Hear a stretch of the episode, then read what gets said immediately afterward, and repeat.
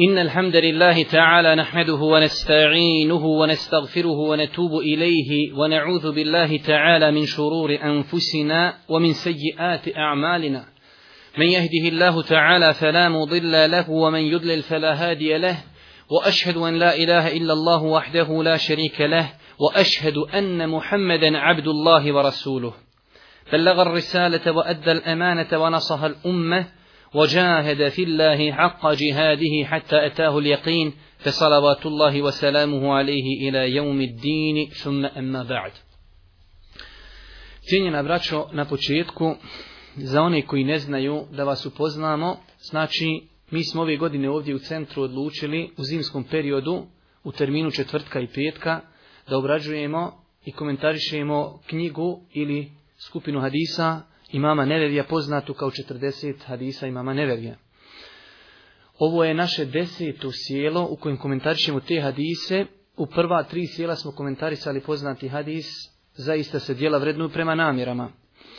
A ovo je sedmo sjelo u kojem komentarišemo poznati hadis Džibrila, alihi salatu wassalam, Poznat je događaj Džibrila kada je došao Allahom poslaniku alihi salatu wasalam u ljudskom obliku pa ga pitao o islamu pa mu je Allahom poslanik odgovorio šta je tu islam pa ga je pitao o imanu. Pa je Džibril odgovorio šta je to iman. Pa smo mi u komentaru ovog hadisa preskočili komentar islamskih šarta do trećeg hadisa i počeli smo komentarisati imanske šarte, pa smo govorili o vjerovanju Allaha, vjerovanju Meleke, vjerovanju poslanike i vjerovanju poslanice. Sinoć, u četvrtak, počeli smo govoriti o petom imanskom šartu vjerovanja u sudnji dan. Zbog mnogo ljudi koji nisu sinoć prisustovali, ja ću ukratko u nekoliko minuta i nekoliko rečenica pokušati spomenuti najbitnije stvari koje smo spomenuli na jučerašnjem predavanju, a oni koji su zaista zagrijani da poslušaju to predavanje u cijelosti mogu to dobiti tamo onaj u kancelariji ako Bog da. Braću moja draga, mi smo jučer spomenuli da ovaj imanski šart vjerovanje u sudnji dan je izuzetno bitna tematika i to možemo primijetiti iz mnogo stvari. Prva stvar jeste da Kur'an izuzetno mnogo pažnje posvećuje vjerovanju u sudnji dan do te mjeri da ne možete naći stranicu u Kur'anu na kojoj se ne govori nešto o sudnjem danu. Da li o proživljenju, da li o polaganju računa, da li o stajanju, da li ulasku u džennet, patnja u džehennemu, znači skoro svaka stranica što aludira na bitnost te tematike. Također kazali smo da je velika potreba da se govori baš o ovom imanskom šartu iz razloga što je mnogo ljudi čije vjerovanje i nije ispravno i nije potpuno, jer svi smo mi bili svjedoci da od nekoga ko se deklariše kao musliman, ne od peri, ne od jovi, ne od mati, već od ljudi koji se deklarišu muslimani kažu, a ko je se od tamo vratio? Ta izreka, braćo moja draga, je toliko krupna da se njome negira hiljede i stotine kuransko-hadijskih tekstova. Kad čovjek kaže ko se se tamo vratio, on je negirao sve hadise i ajete koji govori i o kaboru, i proživljenju, i o džennetu, i o džehennemu, i polaganju računa, i proživljenju. Sve on to negirao. I zato kažemo velika je potreba da se govori o toj tematici. Kazali smo također od faktora koji ukazuju koliko je bitna ta tematika jeste i to da Allah Đelšanu više ajeta povezuje i zajedno spominje vjerovanje u Allaha i sudnji dan. Pa također Allahu poslanik u mnogo hadisa, mi smo sinoć spomenuli možda preko 20 hadisa, u kojima Allahu poslanik postičući ljude na prakticiranje određenih propisa kaže ko vjeruje u Allaha i sudnji dan, nek čini tako i tako. Ili ko vjeruje u Allaha sudnji dan, neka ne čini tako i tako. Zbog čega? Zbog bitnosti te tematike. Ako vjeruješ u Allaha, i vjeruješ u sudnji dan, onda nemoj činiti to i to. I znači ima mnogo hadisa, ja sam spomenuo možda preko 20 hadisa u kojima Allah poslani koristi tu formu i taj način podstrijeka na dobra djela ili onaj zabranjivanja određenih stvari. Također, kazali smo činjenica koju ukazuju na bitne stoje tematike jeste i to e, sam sudnji dan kao sudnji dan nazvani u Kur'anu sa mnogim imenima, a pravilo je kod Arapa i u arapskom jeziku da svaka stvar koja ima mnogo naziva i imena je bitna stvar. Pa tamo primjera radi sablja. Oni za sablju imaju preko 500 različitih izraza. Zbog bitnosti sablje. nekada je sablja bila simbol ponosa, simbol hrabrosti, simbol muškosti, simbol osvajanja i zato su oni tu sablju nazvali sa 500 različitih imena. E tako Allah Đelešanu u Kur'anu sudnji dan naziva na preko 20 različitih naziva, da bi ljudi slušajući Kur'an razmišljali o tim značenjima. Pa smo spomenuli da Allah Đelšanu naziva sudnji dan zadnji dan. Pa smo spomenuli da, da je to Jeumul Azife, dan koji samo što nije došao. Pa smo spomenuli da je to dan Jeumul Ba's, dan proživljenja. Kada pa čovjek sluša te stvari u Kur'anu, dan proživljenja, dan samo što nije došao, posljednji dan, dan jeumu telabun, obani, jeumu telak, dan susreta, susreta sa, gospodarom, susreta s našim dijelima, jeume tenad, dan dozivanja, kada će dženetlije dozivati džehennemlije, džehennemlije dozivaju dženetlije. Jučer smo sve te stvari, znači, argumentirali, također Jeumul Hisab, dan polaganja računa, da čovjek razmišlja o tim značenjima. Na kraju spomenuli smo nekoliko činjenica kako uzvišeni Allah subhanahu wa ta'ala kojim metodama i na koje načine je pojašnjavao da će ljudi biti proživljeni. I mi nekada koji ovdje sjedimo smatramo da to nama nije potrebno, ali vidimo i kazali smo da od ljudi koji se deklarišu muslimani dolazi sumnja da će ljudi biti proživljeni. Pa Allah Đelešanu koristi razne načine da ljudima pojasni taj propis. I to da će ljudi biti proživljeni. Pa prvi od načina jeste da Allah Đelešanu naređuje poslaniku da se zakuni, Kul bela wa rabbi la tub'asunne. Reci go, poslaniće, reci poslaniće, tako mi Allaha bit ćete proživljeni. Kaže, ze'ame ledine keferu en le yub'asun, en la yub'asun. Tvrde nevjernici da neće biti proživljeni. Reci Muhammede, hoćete mog mi gospodara biti proživljeni. To je način kako Allah Đelešanu potvrđuje tu činjenicu. Također, je Allah subhanu wa ta'ala potvrđuje činjenicu na način da kod ljudi postoji pravilo da kad neko nešto prvi put izmisli, da mu je to lakše drugi put napraviti. E mi koji imamo takvu viziju, Allah nam daje dokaze u Kur'an pa kaže, pa gledajte, Allah Đelešanu je stvorio čovjeka prvi put iz ničega. Pa kako onda sumnjati da li će ga drugi put proživjeti na sudnjem danu? Također, treći način jeste da Allah Đelešanu u Kur'anu navodi kako on zemlju oživljava. Zemlja, zemlja znači kada nema kiši, mrtva. Možeš sijati u nju koliko hoćeš, nema ništa. Ali Allah da kišu pa je oživi. Kaže Allah Đelšanu Kur'anu, e pogledajte kako Allah zemlju oživljava, tako isto će i mrtvi oživjeti na sudnjem danu. I na kraju, Allah Đelešanu navodi primjer pa kaže e entum ešeddu halkan emisena benaha. Kaže Allah pa zašto ne razmišljate ako Allah može stvoriti zemlju i nebesa, pa zar ne može stvoriti i oživjeti insana? Znači sve su to razni načini kako Allah Đelešanu ljudima pojašnjava da će biti proživljeni. To je ono što smo mi učije spomenuli rezimirano. Normalno mi smo to opširnije spomenuli sa dokazima, sa primjerima, sa raznoraznim nekim pojašnjenjima. Večeras, ako Bog da, nastavljamo i nadam se, ako Bog da, da ćemo spomenuti mnogo toga što bi trebao da zna svaki čovjek vjernik, vezuje se za tematiku sudnjega dana. Prva stvar, braćo moja draga, treba da znate i da vjerujete, da budete ubijeđeni da vjerovanje u sudnji dan ostavlja velike pozitivnosti na čovjeka. Vjerovanje u sudnji dan, ispravno i potpuno, ostavlja mnoge pozitivnosti na čovjeka i njegov život. Jer zamislite, čovjek kada istinski vjeruje, da će biti u kaboru, da će biti proživljen, da će biti na mahšeru, Znači ići preko siraču prije. Da ima samo dvije opcije, džennet ili džehennem. Za tu neće ostaviti traga na čovjeka. Hoće čovjek ukrast, u sudnji dan. Hoće popit, o čitanje knjige na sudnjem danu. Hoće ukrast, u stiskanje kabura, rebra prolazi jedna kroz druga. Hoće prevarit, o treba stajati pred gospodarom. I e tako. Znači istinsko vjerovanje u sudnji dan ojačava čovjeka. To je jedna izuzetno dobra metoda, odgojna metoda. I zato se toliko forsira ta tematika u Kur'anu. Jer čovjek ko čovjek, jučer smo kazali, jedan od razloga zašto treba govoriti o ovoj tematici jeste što živimo u vremenu kada se forsira opipljivost, materija. E zato čovjeku treba nešto da mu balansira život.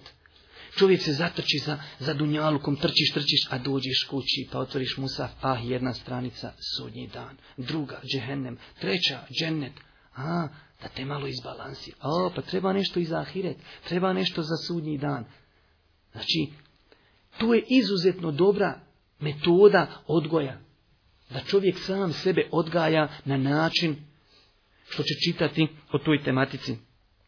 Zato možemo konstatirati sigurno da ono što sada vidimo na našim ulicama, našu mladež, maloljetnička delikvencija, jedan od najvećih uzroka jeste što ta djeca nisu podučena ispravnom vjerovanju, a između ostalog vjerovanju sudnji dan.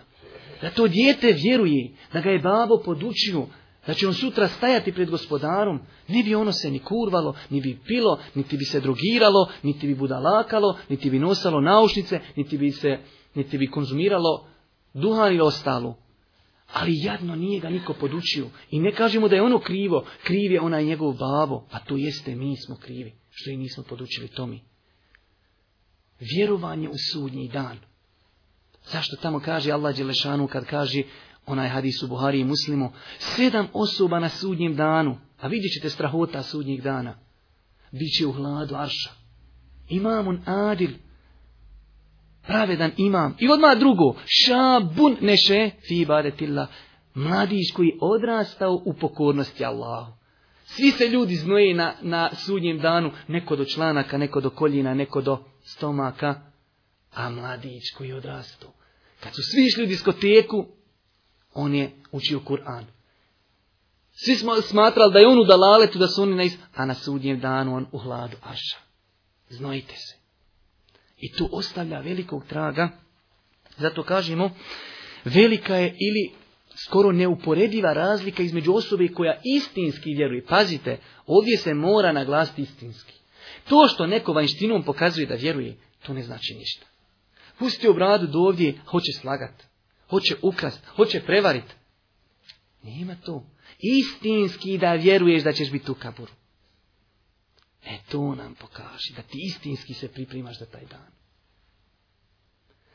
I to je, vraću moja draga, definitivno, definitivno jedini način kako se može čovječanstvo spasiti iz propasti koja svakim danom sve više guta ovo naše društvo. Ne ovo, cijeli svijet. Jedino što može spasiti dunjalu kod propasti i čovječanstvo jeste islam.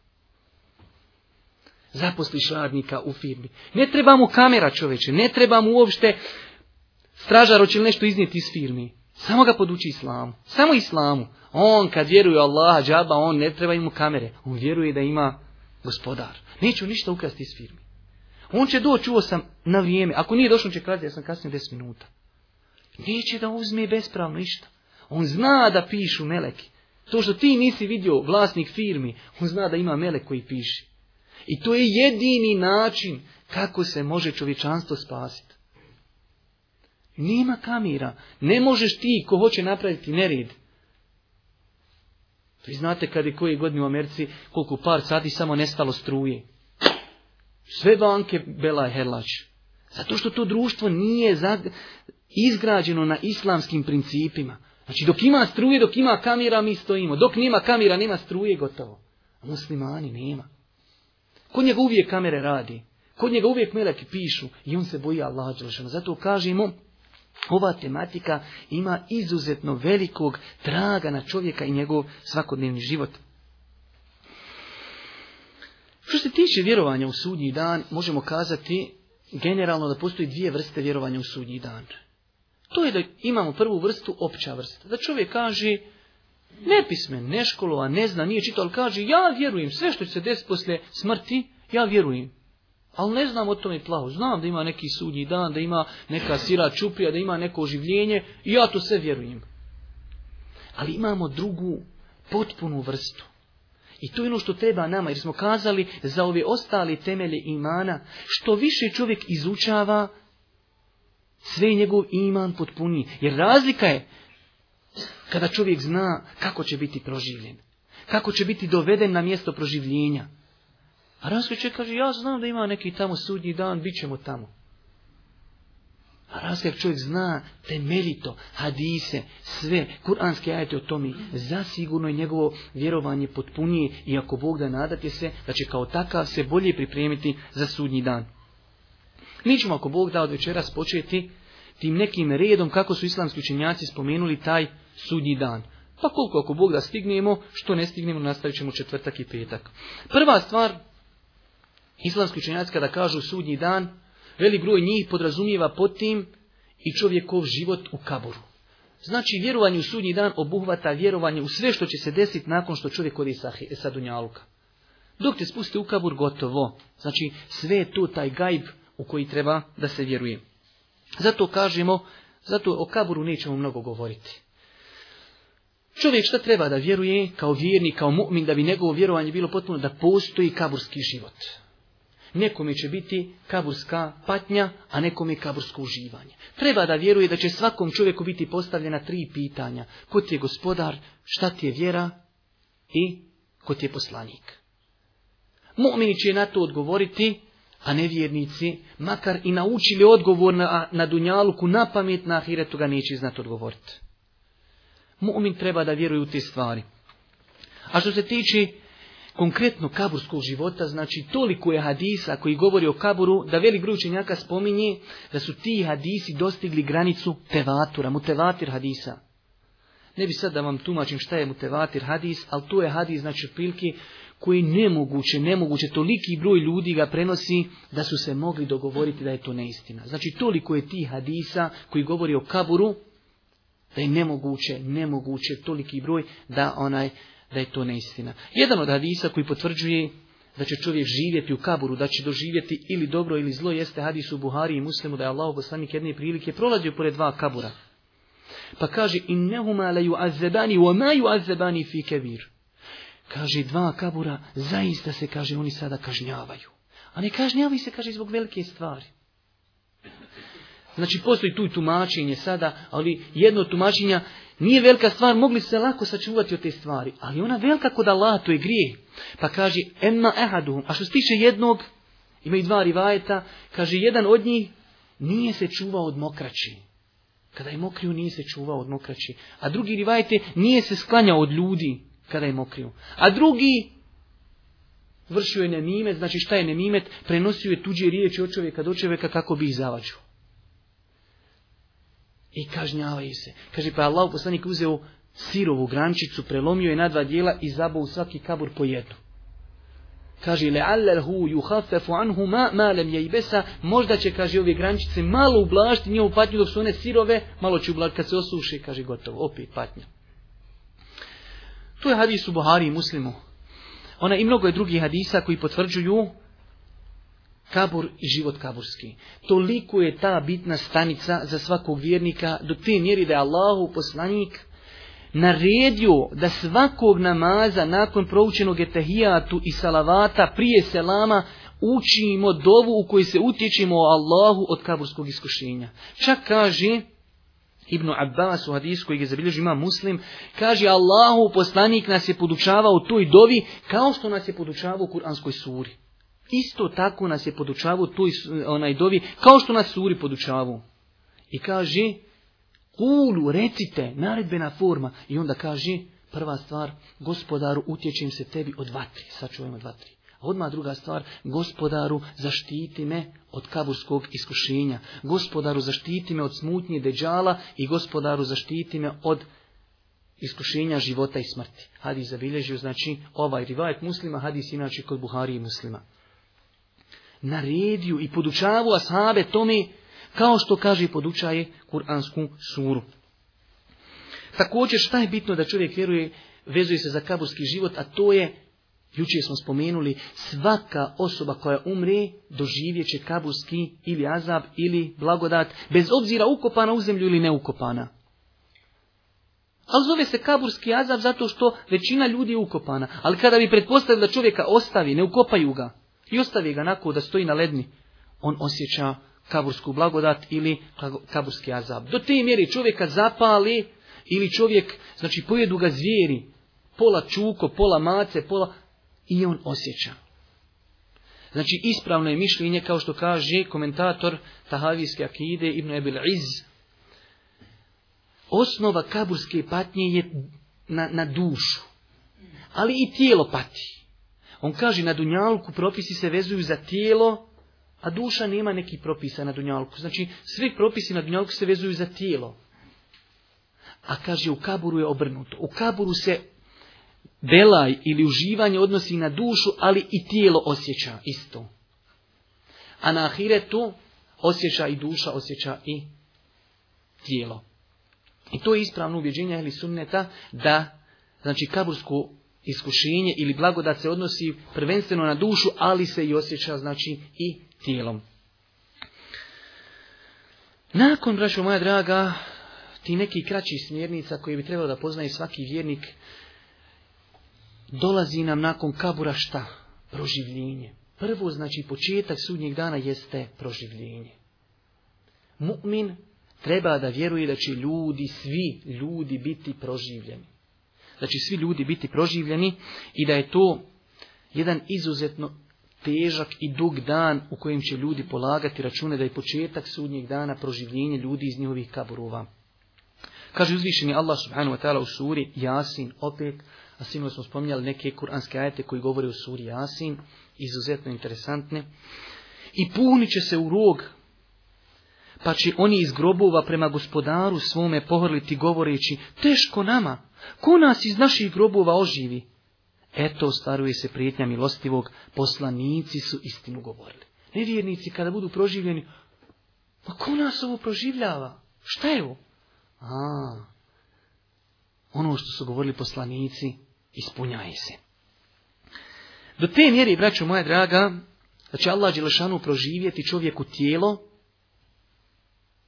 ali tijelo koje će se svjedočiti protiv protiv ili za njegovog vlasnika. Znači, na sudnjem danu će se usta zapečatiti, kao što opet govori sura Jasina, leto ja sam uzeo ajte iz drugi suri, gdje će se zapečatiti usta, usta ne govori i govori tvoje ruke, tvoje noge, tvoje oči, tvoje uši, tvoja koža. A ti se šta god da si radio na Dunjaluku, prvenstveno nisi mogu sakriti od Allaha, ali evo ti dokaz, protiv tebe će se doći onaj od koga se nisi moglo na dunjalku sakriti. Tvoji organi, ruke, noge, oči. Zato, kaže uzviženi Allah, na dan kada protiv njih budu svjedočili jezici njihovi, i ruke njihove, i noge njihove za ono što su radili. Pogledajte šta nabraja, i ruke, i noge, i oči. To će svjedočiti, znači tako će Allah proživjeti čovjeka, zato nemojte pokušavati te stvari dokučiti ovim našim mozgovima, sadašnjim razumima. A hiretske stvari se razlikuju od dunjalučkih ovaj, ti nekih zakona. Također kaže Allah subhanahu wa ta'ala u suri kada dođu do njih, uši njihove i oči njihove i kože njihove svjedočit će protiv njih o onome što su radili. Zašto svjedočite protiv nas, upitaće oni kože svoje. Allah koji je dao sposobnost govora svakom biću, obdario je darom govora i nas. Kaže čovjek svoje koži, pa što svjedočiš protiv mene? A e, kaže, Allah je dao mogućnost govora svakom i nama. E sad mi hoćemo pričati. Jesi bio u Birti, u Džami, na hađu, na Bodi Volova? Sve, sve zapisan, sve će hođa, sve će koža ti kazati. si išao? Dobro, dobro. Loše, loše. Do te mjeri, braću moja draga,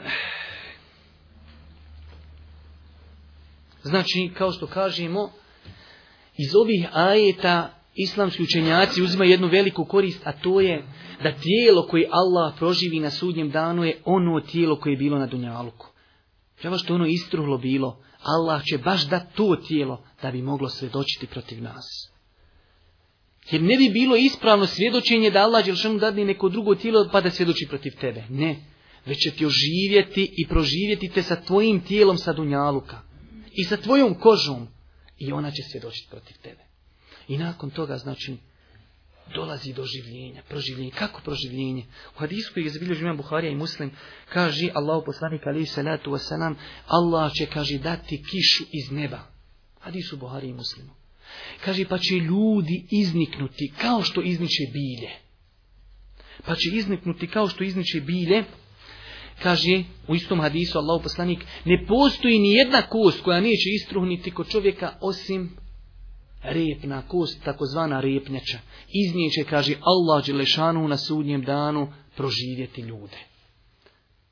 To je znači način kako će uzvišeni Allah proživjeti ljude. Pogledajte te potpunosti, te savršenosti. Koliko je ova vjera precizna i koliko je to sve u tančine pojašnjeno. Allah će ljude stvoriti onako kako su rođeni i to kako? Onda prije što su bili osumnjičeni, Znači čitavo tvoje tijelo da dođe i da odgovara. Jer čovjek našom vjerom je na Dunjaluku propisano da se čovjek obreže od sunneti, osjeća onu kožicu. Allah će proživjeti ljudi kompletne i sa tom kožicom. Zato se kaže u hadis Buhari i muslimu da iši kaže Allahu poslanika radi radijallahu ta'ala ana, znači hadis ona prenosi, kaže, juhšaru nasu, hufaten, uraten, gurla, ljudi će biti proživljeni na sudnjem danu, bosonogi, nema ništa, goli, nag čovjek, i kaže neobrezani. A pa pogledajte Aishinog razmišljanja. Njima je to bilo teško shvatiti. Našim ljudima što će to, to normalno, sad kad ide svakog, svakog ljeta na, na, tamo na plažu, njemu je normalna stvar da jedni gledaju drugi. A Iša kaže, Allahu poslaniće, ljudi žene zajedno gledaju jedni u drugi. Nemaju odjeći. Kaže Allahu, Aiša, a Iša, pa situacija je mnogo teža da bi neko razmišljao da u neko gleda. Pogledajte te težini. Pogledaj tog musibeta da je kraj tebe gola žena i gola muškarac, ti to ne vidiš od musibeta koji te poklopio kao što Allah Đelšanu opisuje težinu sudnjeg dana, kaže to je dan kada će djeca osjediti. Neđalul dane šiba. Djeca mala će osjediti od brige. Jeume je min ahihi wa ummihi wa abihi. Tog dana će čovjek bježati od svoje ženi, od svoga oca, od svoje majke, od svoje supruge, od svoje djeci. Zbog čega? Musibet treba polagati račun. Jer nima tu popravnog. Čennet ili džehennem. u dunjalku propadniš, kaže, haj ponovo u razred. propo opet, ponovo. Pošla trgovina propala u pa ponovo. Pa opet ponovo. Na to nema. I zato se ljudi brinu. A znaš šta je pripremio? Znaš šta je pripremio? Nakon proživljenja, znači idemo tom nekom hronologijom, kabur, proživljenje, nakon proživljenja ljudi se okupljaju na mašar. Kod nas ljudi danas dan ostala ta riječ, kaže mašar. Mašar je arapska riječ i koriste oni taj glagol, znači zato baš hašara, skupiti ljude. Mašer, mjesto gdje će se ljudi okupiti.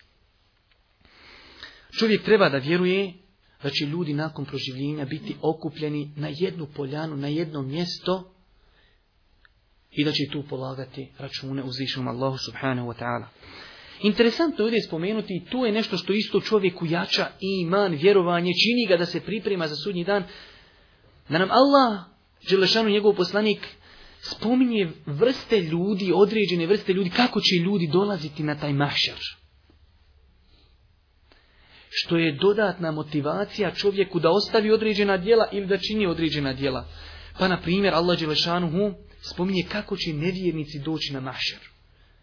Nakon što se iznenadi da su proživljeni, oni će doći na svojim licima idući. Zamislite, zato kažem nemojte pokušati koristiti ovaj razum da bi dokučili te stvari. Jer vidjet ćete kako je Allah poslanik davao odgovore ashabima na te stvari. Kaže uzvišeni Allah subhanahu wa ta'ala govoreći da će nevjernici na svojim licima biti dovučeni, da će doći na licima hodeći. Kaže, onaj kome Allahu Allah ukaže na pravi put, na pravom je putu. A onome koga u zabludi ostavi, tome mimo Allaha nećeš naći zaštitnika. Mi ćemo ih na sudnjem danu skupiti licem zemlji okrenute. Ovdje je prijevod malo licem zemlji okrenut, dovučeni će biti na njihovim licima učen će biti na njihovim licima. U hadijskoj izbilježu Buharija i Muslim, a sahabi kad su čuli ovaj ajet, kažu, Allahu poslaniće, kako to da hodi na svojim licima? A pogledajte odgovora. Kaže Allahu poslanik, pa zar nije onaj koji je dao da ta insan isti na dunjalku hoda na dvije noge u mogućnosti da učini da na, ahiretu hoda na svom licu? I završi. Nema tu filozofije nikakve. Mi vjerujemo i u kabur i u proživljenje bez kejf, Kako? Tamo postoje drugi zakoni. Allah Đelšanu je taj koji samo kada želi nešto kaže budi i ono budi. Neki učinjaci spominju šta je razlog što će nevjernici doći, da će voženi biti za, na svojim licima, kaže zato što su izbjegavali na dunjalku da čini seždu uzvišenom Allahu Subhanu wa ta'ala. Također, od skupine koja je spomenuta njihovo proživljenje i način dolaska na sudnji dan jeste i prosja, koji je prosjačio, a nije imao potrebu za prosjačenjem. Kaže Allah poslanik ali salatu wasalam, neće prestati čovjek prositi sve dok ne dođe na sudnji dan, a na njegovom licu nema ni trunke mesa. Znači samo kostur. A imate druge rivajete, znači iskao je, tražio, a nije imao potrebu za tim. Htio je da poveća svoj metak. To je jedna skupina. Također, od skupina koji su nam pojašnjeni kako će doći na sudnji dan jeste osoba koja ukrade iz ratnog plijena prije nego se ratni plijen podijeli ili iz državni blagajni. وَمَنْ يَغْلُ لِيَأْتِ بِمَا قَلَّ يَوْمَ الْقِيَامِ A onaj ko ukrade nešto, gulul, gulul u arapskom je krađa iz ratnog plijena. Ko kaže ukrade, će to na sudnjem danu. To kaže Boži poslanik jednom asabu kada ga je slavu da donosi znači zekijat iz drugih država, kaže idi ali pazi da ne bi kaže na sudnji dan donio devu na leđima. Ili tele ili ovcu. Znači čovjek će donijeti, svi gledaju, deva na leđima, u krov. I to je taj podstrijek čovjeku da se priprema za sudnji dan. ili Hadis kojeg zbilježi ima muslim. Jub'athu kullu abdin ala ma mata alihi. Čovjek će biti proživljen, znači doveden na sudnji dan, onako kako je preselio. Preselio u jarku, drogiran, tako ćeš doveden biti. Pijan, tako ćeš doveden, doveden biti. U zinaluku, tako. Na seđdi, na seđdi. Na hađu, na hađu. U džami, u džami. Znači, kako čovjek preseli, zato čovjek treba da se trudi. I to je jedan dodatni motiv da se čovjek trudi da uvijek bude u dobrom dijelu. Da li post, da li sadaka, da li zikr. Nadajući da će tako ako Bog da preselt i da će tako biti proživljen. Također, pojašnjeno nam je na sudnjem danu kako će doći i kakvi će izgledati ljudi koji su na Dunjalu kao abdestili. I to je znači odlika ovog ummeta da će doći na sudnji dan i bit će prepoznatljivi sa ukrasima od abdesta. I pogledajte kako to Allah poslanik slikovito opisuje. Kaže se malo duži hadis Koji zaviži ima muslim. Allah poslanik jedne prilike došao na mezarluk Beqija, pa je poselamio mrtve, pa kaže Allah poslanik alaih salatu wasalam, kako sam, kaže, volio da vidim svoju braću.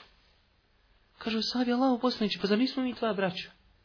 Ne, ne, kaže, vi ste moja savi, a moja braća još nisu došla. Još ja njih neću vidjeti. Nadamo se, inšala, da smo mi ta skupina. Pa kaže, a savi pitaju, pa dobro Allah poslaniće, onda kako ćeš ti njih prepoznat na sudnjem danu? Kaže, šta mislite vi kada bi čovjek, kaže, imao konje? Ja ne znam kako se ovdje u Ukrajini kaže, ali kod nas kaže kad kon ima dole bijelo putast, a kad ima gore po nosu brnjav. E kaže, zamislite kada bi, kaže, bilo stado crnih konja i pustiš među njih putaste konje i brnjave konje. Bili mogu poznat, pa kažu normalno, e tako, kaže moj umet, kad dođe na sudnji dan, bit će tako, znači, otpisano jezički, metafora, biće će kao putasti, bit će brnjavi, bit će prepoznatljivi od ostalih umeta.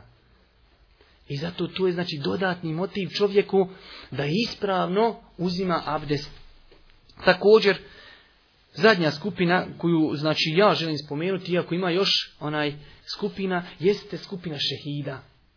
Allah Želešanu iz počasti prema ljudima koji su dali svoj život za vjeru, nagradit će i tako što će biti proživljeni onako kako su znači ranjeni. Pa stoji mnogo hadisa vjerodostojni kaže dođe šehid na sudnji dan. Njegova rana će kaže će frcati krv kao što je frcala na Dunjaluku. Kaže, boja, boja krvi, a miris, miris, miska. Svi znaju, on ide, krv teče iz njega, a ovaj preselio ko Na sudnjem danu će on biti prepoznatljivi. Krv teče, ali nema veze, to je ahiret, ne smita, ne može iskrvariti. Teče krv, ali nekom ko, krv ovo dunjalučka, već miriši mirisa miska. Znači, opet kažemo, sve su to dodatne informacije u smislu da se čovjek onaj pokuša uraditi nešto što je pohvalno kako bi ako Bog da tako i bio proživljen na sudnjem danu. Također velik broj učenjaka spominje da ne samo, braću moja draga, da će ljudi na sudnjem danu biti proživljeni. Če Allahova pravda je apsolutna, Allah Želešanu će na sudnjem danu i životinje okupiti.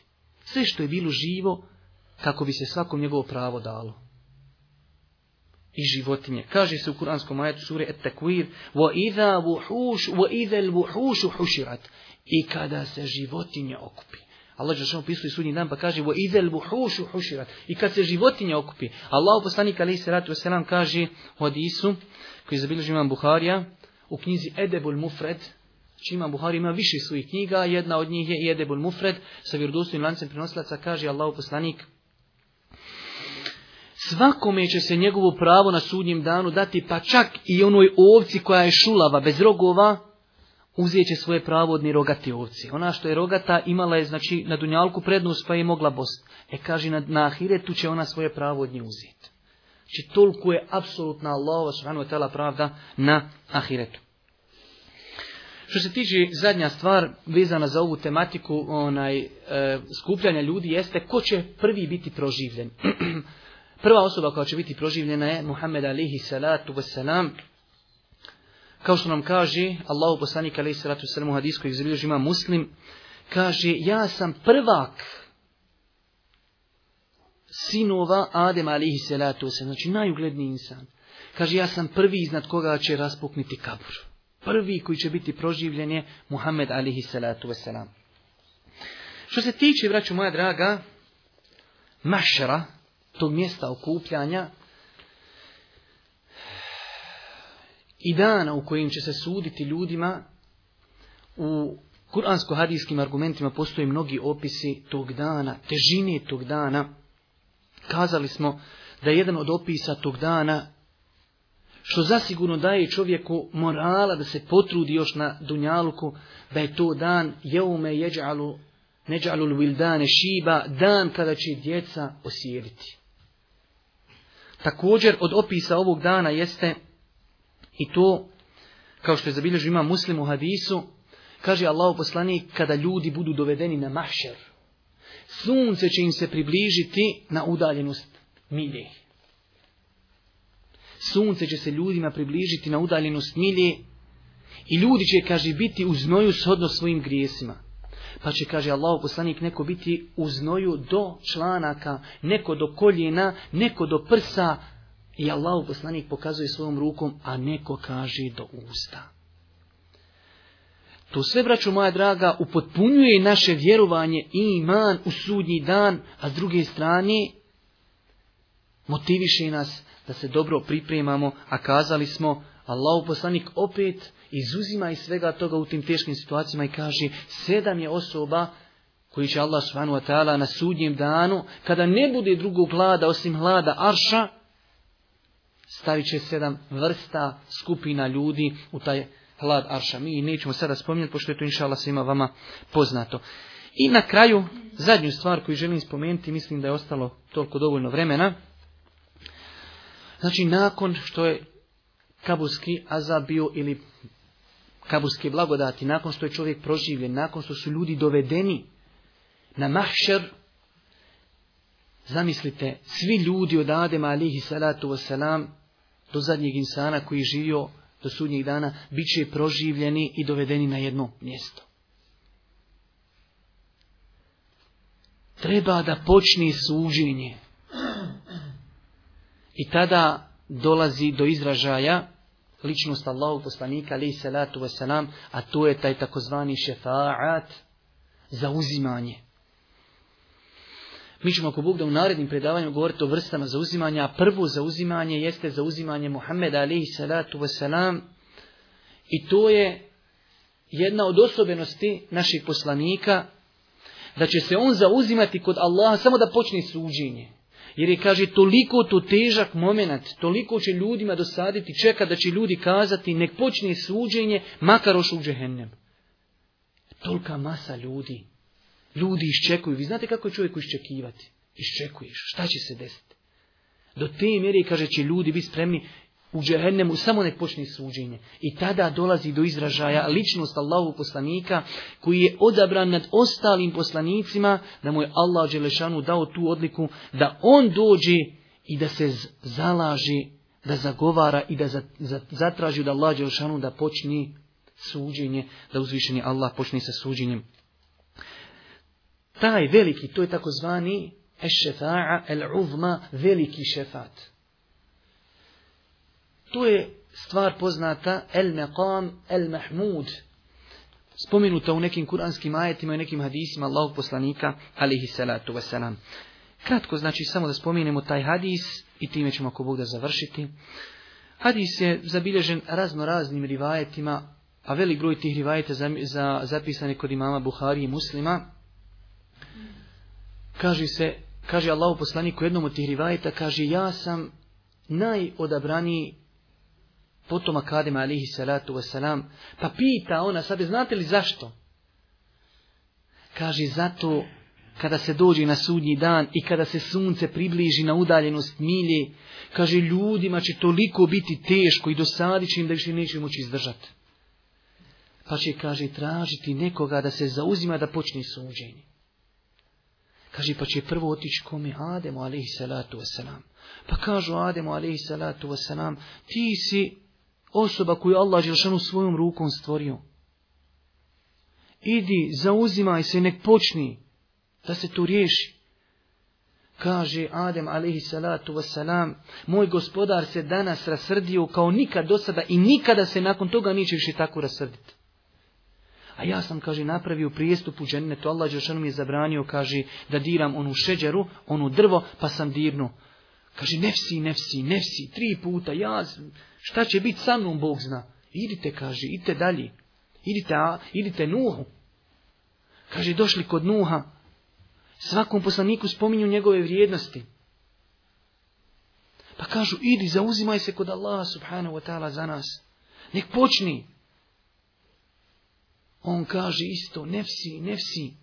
Moj gospodar se naljutio danas kao nikada i nikada se nakon toga neće tako naljutiti. Idite, kaže, dalje. Idite Ibrahimu, alihi salatu wasalam. Došli kod Ibrahima. Kažu, ti si Halilullah. Ti si Allahu prijatelj. Znači, tako ga Allah Đelšanu oslovljava u Kur'anu. Halilullah. Idi, zauzimaj se, nek počni. Kaže, moj gospodar se danas tako naljutio. Nije se nikad tako naljutio. I neće se nikad nakon toga tako naljutiti. Pa onda spominje i on svoje neke, ako bi ih mogli nazvati te neke propuste, pa opet kaže, nefsi, nefsi, nefsi. Ja ne znam šta će biti sa mnom. Idite nekom dalje, idite, kaže Musa'u. Došli kod Musa, ali i salatu sam, kaže, pa tebe Allah izabrao, razgovarao na turu sa tobom. Razgovor direktan. Idi bolan, zauzimaj se, nek počni. Kaže, moj gospodar se danas naljutio. Naljutio se, kaže, tako kako se nikad do na nije naljutio i nikad se neće više tako naljutiti. A ja sam, kaže, napravio prekršaj, ja sam ubio čovjeka, to je spomenu događaj u Koranu, a nije mi, kaže, bilo naređeno da ga ubijem. Nefsi, nefsi, nefsi. I te, kaže Isau, došli kod Isa, ali i salatu vasalama, što tebe Allah Đelešanu stvorio bez oca. Ti si razgovarao s ljudima iz kolijevke, idi zauzimaj se, nek počni. Pa on nije spomenuo nikakav svoj prekršaj, kaže nefsi, nefsi, nefsi. Moj gospodar se danas naljutio, ja ne znam šta ću sa sobom. Idite, kaže Muhammedu alihi salatu Kada su došli do njega, Allahu poslanik odlazi i pada na seđdu ispod arša, pa mu uzvišeni Allah Đelšanu kaže Allahu poslanik, pa će mi Allah Đelšanu tada otvoriti, tada će mi dati način izražavanja i hvali Allaha Đelešanu, kaže, koji nisam nikad do tada poznavao. Taj način izražavanja nisam nikad znao, do tada. Kaže, pa ću hvaliti Allaha Đelešanu, moliti ga, pa će mi reći, podigni svoju glavu, ustani, zauzimaj se, daće ti se ono što tražiš. Pa će kazat, ummeti, ummeti, i znati ima četiri puta će se poslanik vraćati. Idi, izvedi iz džehennema, sve oni koji u čijem srcu ima koliko trun imana. I na kraju zadnji put, i tu ćemo ako Bog da stati, zadnji, kaže, dolazi Allah poslanik četvrti put, kaže, gospodaru, tražim da iziđu iz džehennema svi koji su rekli la ilaha illallah. Kaže, ne može. Ali kaže, tako mi moje uzvišenosti i veličine izići će oni Zbog mene, znači zbog, ne zbog tvog zauzme, nego ja ću ih izvesti. Izvedite, kaže, iz džehennema sve one koji su rekli la ilaha illallah iskreno, znači iz svoga srca.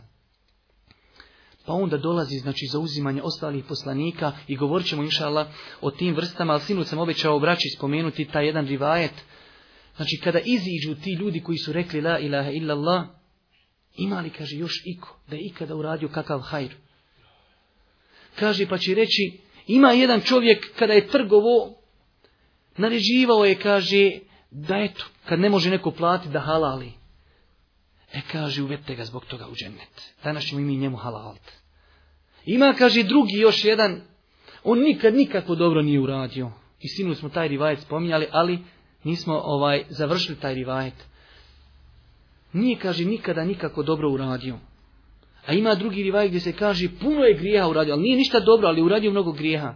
I on kada je krenuo umirati ono i svoje sinove i rekao im, mene kaže ako Allah proživi, kaznit će me kako nikad nikog nije kaznio. Zato kaže uzmite me, zapalite me i kada bude vjetrovi dan odnesite na more. Pola na more prospita, a pola nakopnu kada bude vjetar. Pa su tako uradili kada je čovjek umro, sinovi došli, zapalili ga i pola njegovog pepela odnijeli na more, a pola nakopno, Pa je Allah naredio moru da sakupi ono što je u moru, a zemlji da sakupi ono što je na zemlji, pa ga proživio. Kaže, robe, što si to uradio?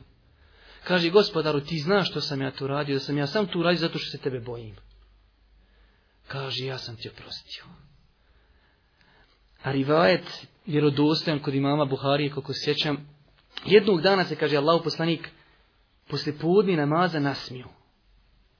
I ostao je tako svi do Ikindije. Nakon Ikindije klanju Akšam, nakon Akšama klanju Jaciju i odšu u kuću. Kažu Asavi, što li je se nasmio? Što li je se nasmio? Kaže Ebu Bekru, aj pitaj što je poslanik se nasmio. I Ebu Bekru. odi i upita poslanika, alihi salatu wasalam. Kaže, pitao je što si se nasmio danas? Pa mu Allah poslanik ispričava ovaj Hadisi na kraju kada kaže Allah Đelešanuhu, opraštam ti robe, ovaj rob koji je znači naredio da ga zapali, opraštam ti, kaže Allah subhanahu wa ta'ala melekima, idite i vidite najbogatijeg melika, znači vladara na zemaljskoj kugli. Vidite koji je bio najbogatiji. E dadnite ovo mi deset puta toliko. Kaže, pa rekao ovaj, pa gospodar, nemoj se sa mnom, paš ismijavati, nemoj se sa mnom ismijavati, će ću ja toliko dobiti nagradu. Kaže, pa je se zato i poslanik nasmio tada. Znači, tu je bio razlog što se Boži poslanik nasmio. Znači, kad je on nije mogao vjerovati da će mu uzvišeni oprostiti još da dobije deset puta kolika je bila najbogatija vlast na zemaljskoj kuti, Kaže, pa je si poslanik, ali i salatu vaselam, nasmio. Molimo Allah Đelšanu da ono što smo čuli bude korisno za nas, za naše vjerovanje, da nas uzvišeni Allah subhanahu wa ta'ala učvrsti u teškim vremenima, da nam oprosti naše grijehe, da nam bude milostiv na sudnjem danu i na kraju subhanike Allahume ve bihamdike šedun la ilaha illa ente estagfiruke wa etubu ilaika.